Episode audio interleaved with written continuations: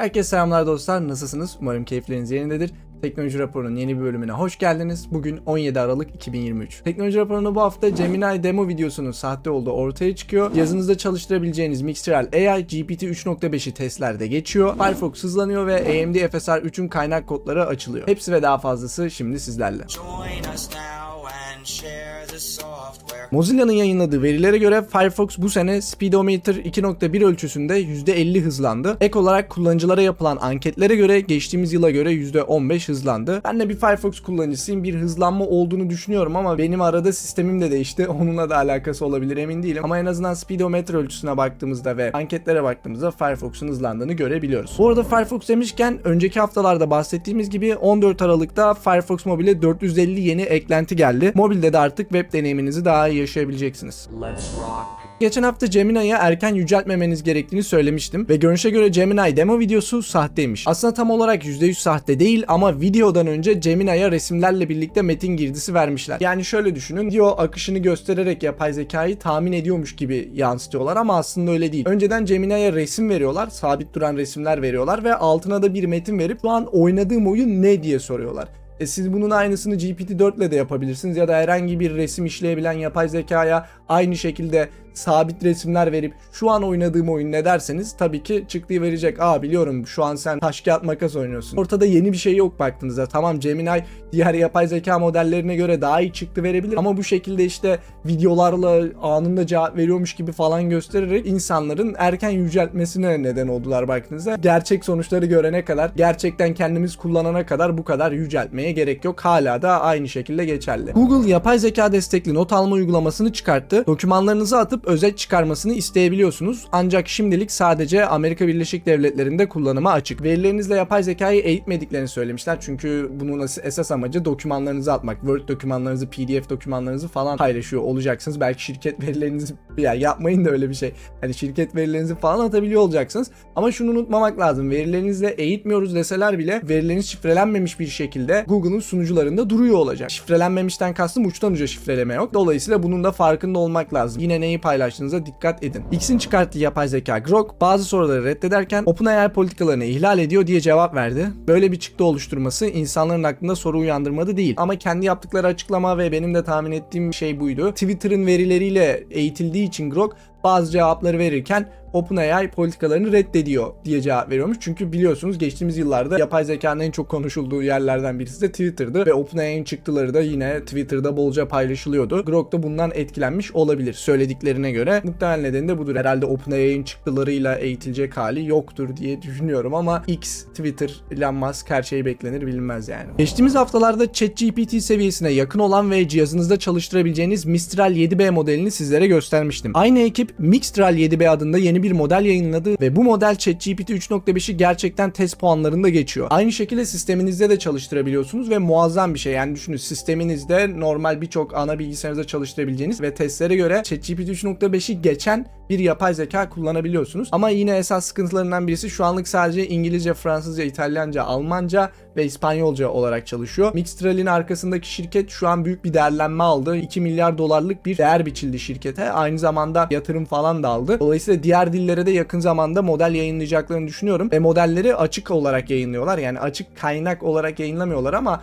açık yayınladıkları için herkes kullanabiliyor. Mixtral 7B'de şöyle bir şey var bir de 32 bin token sınırına kadar çıkabiliyorsunuz. Bu da yine muazzam. Çok uzun çıktılar verebiliyor ve çok uzun dokümanlarınızı yine atıp üzerinde işlemler yapabiliyorsunuz. Yakın zamanda Mixtral 7B ile ilgili bir video çekebilirim. Geçtiğimiz haftalarda insanlar GPT-4'ün tembelleştiğini ve bazı şeyleri reddettiğini iddia ediyorlardı. Bunu OpenAI doğruladı ama neden olduğunu bilmediklerini, Kasım 11'den beri modelde değişiklik yapmadıklarını ve şu an durumu araştırdıklarını söylediler. Bazı insanlarsa bu durumun kış aylarından dolayı olabileceklerini düşünüyor. Diyecek olabilirsiniz ki abi kış aylarıyla yapay zekanın ne alakası var? İnsanlar kış aylarında biraz daha tembelleşiyor. Yeni yıl planlarına yeni yıla atıyor ya bazı şeyleri en azından teori bu şekilde. Yapay zeka GPT-4'te bu tarz verilerle eğitildiği için etkileniyor olabilir diye bir teori atıldı ortaya. Tabii ki bunun gerçek olup olmadığını henüz bilmiyoruz ama şunu net olarak biliyoruz. GPT-4 geçtiğimiz aylara göre bu aylarda daha az çıktı veriyor. Yani bazı şeyleri reddetmesi bir yana çıktı token sayısı da daha azalmış ve bunun neden olduğu da henüz bilinmiyor. OpenAI ekibi araştırıyor. Ortada böyle bir iddia var. Bakalım ben de merak ediyorum acaba gerçekten kış aylarında da yapay zeka tembelleşiyor olabilir mi? Esas nedeni buysa gerçekten komik olur. Mozilla yeni duyurusunda web site üretmenizi sağlayan Solo adlı firmayla ortaklaştığını duyurdu. Ancak tahmin edebileceğiniz üzere birçok insan bu durumu mutlulukla karşılamadı. Çünkü anlaşma yaptıkları firmaya ben de baktım hani herhangi bir şekilde açık kaynaklı özgür yazılım ya da o tarz şeylerle alakaları yok. Yani tamam şimdi Mozilla bir vakıf baktığımızda birçok şeyle de ilgilenmek istiyor olabilir ama Mozilla'da herkes bir en başta düzgün bir tarayıcı bekliyor. Tamam Firefox gelişiyor birçok yenilikler var biz de burada paylaşıyoruz elimizden geldiğince ama yatırımlarını yapacaksan ortaklaşmalarını yapacaksan büyük çoğunluğunu git kullanıcıların işine yarayabilecek bir şeyler yap. Genel kullanıcıların işine yarayabilecek bir şeyler yap. Mesela geçtiğimiz yıllarda Firefox'un Rust bazlı arama motoru Servo'yu kapatmışlardı. Şimdi geri açtılar bir şekilde bir şeyler yapılmaya çalışıyor ama paranın büyük çoğunluğunu git ona akıt abi. Yani Firefox'u öne çıkaracak bir şeyler yapmak varken ya da kullanıcıların deneyimini iyileştirecek bir şeyler yapmak varken kalkıp yok biz ortaklaşa soloyla bir şeyler yapıyoruz falan e, hoş olmuyor yani. İnsanlar bunu doğru bulmuyor. İnsanların bu tepkisini normal karşılıyorum. Stanford Üniversitesi'nin yaptığı bir araştırmaya göre yapay zekanın okullarda kopya çekmek için kötüye kullanılması bu sene tahmin edildiği gibi gitmedi. Ankete göre kopya çekme oranında geçtiğimiz yıllara kıyasla pek bir artış gözlemlenmemiş. Tabi bu durum belki ülkeden ülkeye değişiyordur. Ödevlerde falan kullanıldığını düşünüyorum ama bu illa kötü bir deneyim olmak zorunda değil. ChatGPT ödevimi yapmayı kolaylaştırıyorsa niye kullanmayayım? Yani tabii ki kopyala yapıştır yapmak kötü bir şey ama ChatGPT ile ya da birçok yapay zeka ile direkt kopyala yapıştır yaptığınızda anlaşılıyor. Çok iyi değilseniz yapay zekaya komut verme konusunda anlaşılıyor. Öğrenme ve öğretme açısından bence kötü bir deneyim olmak zorunda değil. Ha, okul esnasında sınavlarda kullanmaya da genel anlamda kopya çekme gibi konularda tahmin edildiği kadar kötü olmadığı gözlemlenmiş. Siz ne düşünüyorsunuz bu konuda? E, okuldaysanız şu anda ChatGPT'nin etkileri neler bu sene? Bir araştırmaya göre şirketlere yapılan siber saldırıların %50'sinden fazlasında yetki yükseltme açıkları kullanılıyor. Genelde hackerlar düşük seviyeli bir sistem kullanıcısını ele geçiriyorlar ve yetki yükseltme açıklarını kullanarak siber saldırılarını gerçekleştiriyorlar. Bu yüzden genel olarak bahsettiğimiz işletim sistemi güncellemelerini yapmak önemli. Hani kişisel bilgisayarlarda da önemli ama şirket bilgisayarlarında daha da ek önemli oluyor. Çünkü her ay birazdan da göreceğiz. Windows'ta yetki yükseltme açıkları kapatılıyor ve bu açıklar kapatılmazsa normal bir kullanıcı seviyesini elde etsen bile sen o ayrımları güzel yap yapsan bile yetki yükseltme açıklarıyla yine bunu aşabilirler. Dolayısıyla güvenlik güncellemelerini düzenli bir şekilde yapmak lazım. Windows'un yeni salı güncellemesiyle 10 yetki yükseltme, 8 uzaktan kod çalıştırma ve 1.0 gün açığı dahil olmak üzere toplam 34 açık kapatılıyor. Henüz yapmadıysanız güvenlik güncellemelerini yapmanızı tavsiye ediyoruz. Fedora 40'ta Systemd servislerinin güvenliği arttırılacak. Normalde Systemd servis dosyalarına Protect Home gibi şeyler ekleyebiliyorsunuz ama bunlar varsayılan olarak gelmiyor. Fedora dikkatlice sistemdeki servislere bakarak hangisini daha güvenli yapabiliriz yapabiliriz, hangisine bu argümanları ekleyebiliriz diye düşünmüş ve bunları Fedora 40'da tek tek ekleyecek. Kullanıcı adına baktığımızda bir şey değişmemesi lazım. Yani sen sistemini nasıl kullanıyorsan hala öyle kullanacaksın. Ama bunun şöyle bir artısı var. Diyelim kullandığınız bir uygulamada açık bulundu. Systemd ile getirdikleri ek güvenlik argümanlarıyla birlikte o açıktan belki hacker yararlanamayacak. Kullanıcı adına bir güvenlik iyileştirmesi mevcut burada. Fedora'nın yaptığı bu tarz güvenlik önlemlerini seviyorum ve bence diğer dağıtımlara da gelmesi gerekli. Amerika Birleşik Devletleri'ndeki bir mobil servis sağlayıcısı olan Verizon, FBI taklidi yapan birisine kullanıcı verilerini verdi. Diyeceksiniz ki bundan bize ne olay ABD'de olmuş ama işte verilerinizin ne kadar farklı şekilde ihlal edilebileceğini bu segmentte size gösteriyorum ki benim saklayacak bir şeyim yok diyen dostlarımıza örnek olsun. Dropbox varsayım olarak OpenAI'ya verilerinizi gönderiyor. Yeni test ettikleri arama özelliği yapay zekayı kullanıyor ve varsayım olarak bu özellik açık geldiğinden verileriniz OpenAI ile paylaşılıyor. Her ne kadar bu verileri OpenAI kendi eğitimlerinde kullanmıyor deseler de niye varsayım olarak benim dosyalarım Dropbox'taki dosyalarım OpenAI'ye gönderiliyor. Yani o kadar saçma bir şey ki. Düşünün siz Dropbox'a para veriyorsunuz. Normalde paralı bir uygulama. Hani 10 GB mı ücretsiz veriyorlar ama para karşılığında verilerinizi güvenli ve gizli tutması için Dropbox'a veriyorsunuz ama Dropbox yeni bir özellik getiriyoruz. Dolayısıyla verileriniz OpenAI ile paylaşılacak deniyor. Dropbox'a herhalde ne tarz bir servis olduklarını depolama servisi olduğunu hatırlatmakta fayda var. Yani şu da var. Niye varsayım olarak açık geliyor? Tamam hadi böyle bir özellik getireceksin bari kullanıcılarına de ki istersen açabilirsin ama haberin olsun OpenAI ile paylaşıyoruz de önüne bir ekran çıkar aç açma diye seçenek sun. Versiyon olarak açması daha da kötü bir durum. Dropbox kullanıcılara haberiniz olsun. Ayarlardan bunu kapatmanızda fayda var. Geçtiğimiz hafta Apple'ın push notification sistemindeki bildirimleri yetkililerle paylaştığını konuşmuştuk. Apple sözleşmesini güncelleyerek artık sadece mahkeme kararı ardından yetkililerle bu verileri paylaşacağını duyurdu. Bu da en azından polisin direkt Apple'dan bu veriyi mahkeme kararı olmadan almasını engelliyor. Biliyorsunuz genel olarak mahkeme kararı almak daha zor. Mahkemede en azından karar verilirken birçok şey gözetiliyor. Böyle bir önlem gelmiş en azından hani mahremiyet açısından güzel bir gelişme diyelim.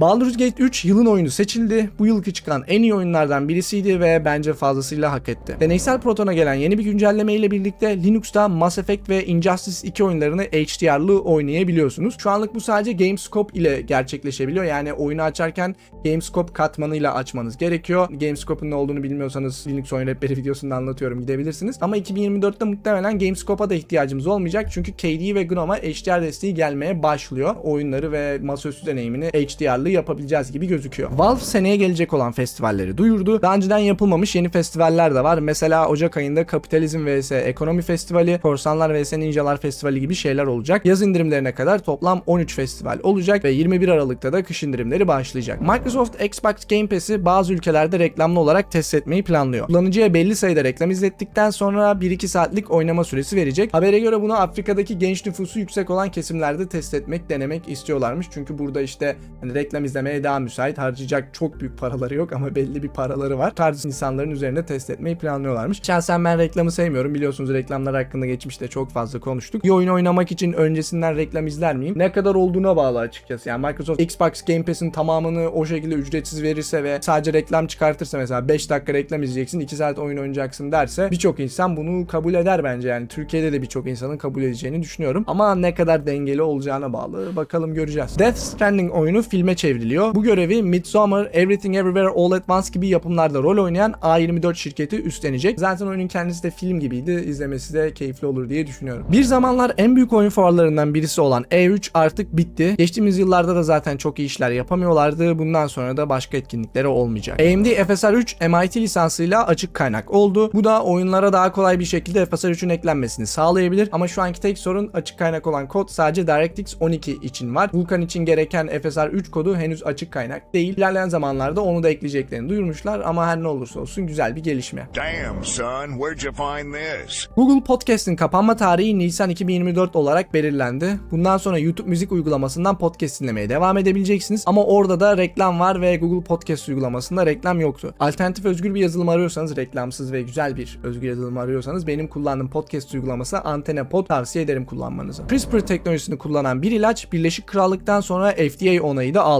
Orak hücreli anemi hastalığı için geliştirilmiş bu ilaç hayat boyu çözüm sunduğu söyleniyor. Ama tabii bunun onaylanması için daha yıllar geçmesi gerekecek. Belli hastalarda işe yaramış bunun tedavisi. Bahsettiği gibi hayat boyu olması 10 yıl, 20 yıl, 30 yıl geçecek belki tekrarlanmayacak. O şekilde gözlemlenecek. Ama CRISPR teknolojisini yıllardır duyuyorduk ve halka açık bir şekilde yayınlanması güzel bir gelişme. Epic Games Google'a karşı olan davayı kazandı. Hakim Google'ın mağazasını kötüye kullandığı kararını verdi. Peki şimdi ne olacak derseniz henüz belli değil. Yani daha dava %100 sonuçlanmadı. Google'ın izlemesi gereken alternatifler henüz belirlenmedi. Ama tahmin edebileceğiniz üzere Google karara itiraz etti bir defa. Ve bilmiyorum üst mahkemeye başvurarak mı itiraz etti emin değilim ama bunun üstüne bir dava daha dönecek ama şimdilik Google kaybetti gibi gözüküyor. YouTube Firefox kullanan ARM cihazlarına 1080p kilidi uyguluyor. User agent'ınızı ARM değil de 64 bite geçirdiğinizde 4K'ya kadar izleyebiliyorsunuz. Aynı olay Google Chrome'da olmuyor. Yani ARM cihazı kullanıyorsanız ve Google Chrome kullanıyorsanız videoları 4K 8K izleyebiliyorsunuz. Ama Firefox'ta 1080p'ye kadar izleyebiliyorsunuz. Bunun nedeni bence bilerek yapılmış bir şey değil. Geçmişte kalmış bir şey olabilir. Bilerek Firefox'a 1080p kilidi uyguladıklarını zannetmiyorum ARM cihazlarında. İlerleyen zamanlarda çözüleceğini düşünüyorum. Görünüşe göre YouTube yapay zeka kullanıp yanlış bilgi veren veya zararlı yazılım yüklemenizi sağlayan reklamları şikayet edilse dahi silmiyor. Bu konu hakkında Reddit'te kullanıcılar şikayette bulunuyorlar. Reklamlara baktığımızda deepfake Elon Musk dolandırıcı uygulamalar öneriyor. Esas soru şu.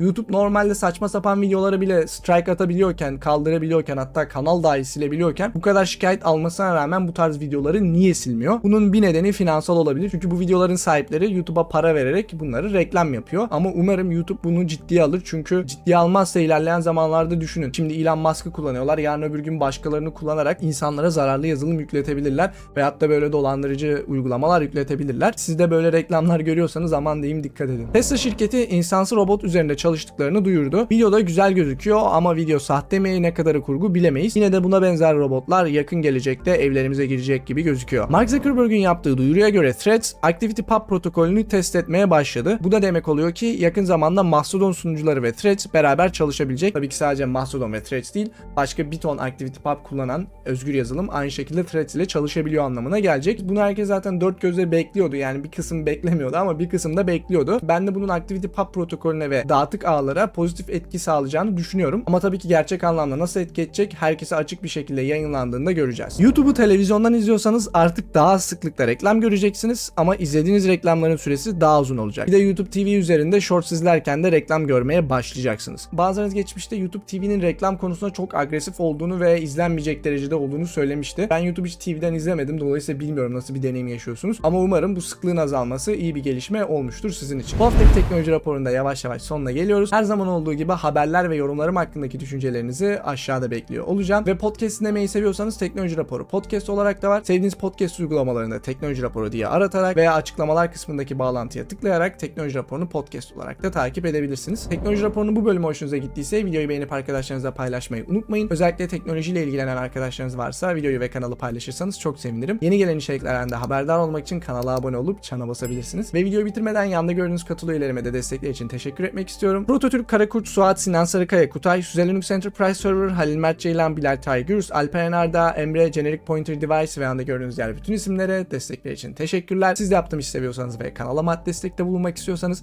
yusufbek.me yan çizgi destek adresine gidebilirsiniz. Teknoloji raporunun bir sonraki bölümünde görüşmek üzere. Kendinize iyi bakın. Hoşçakalın.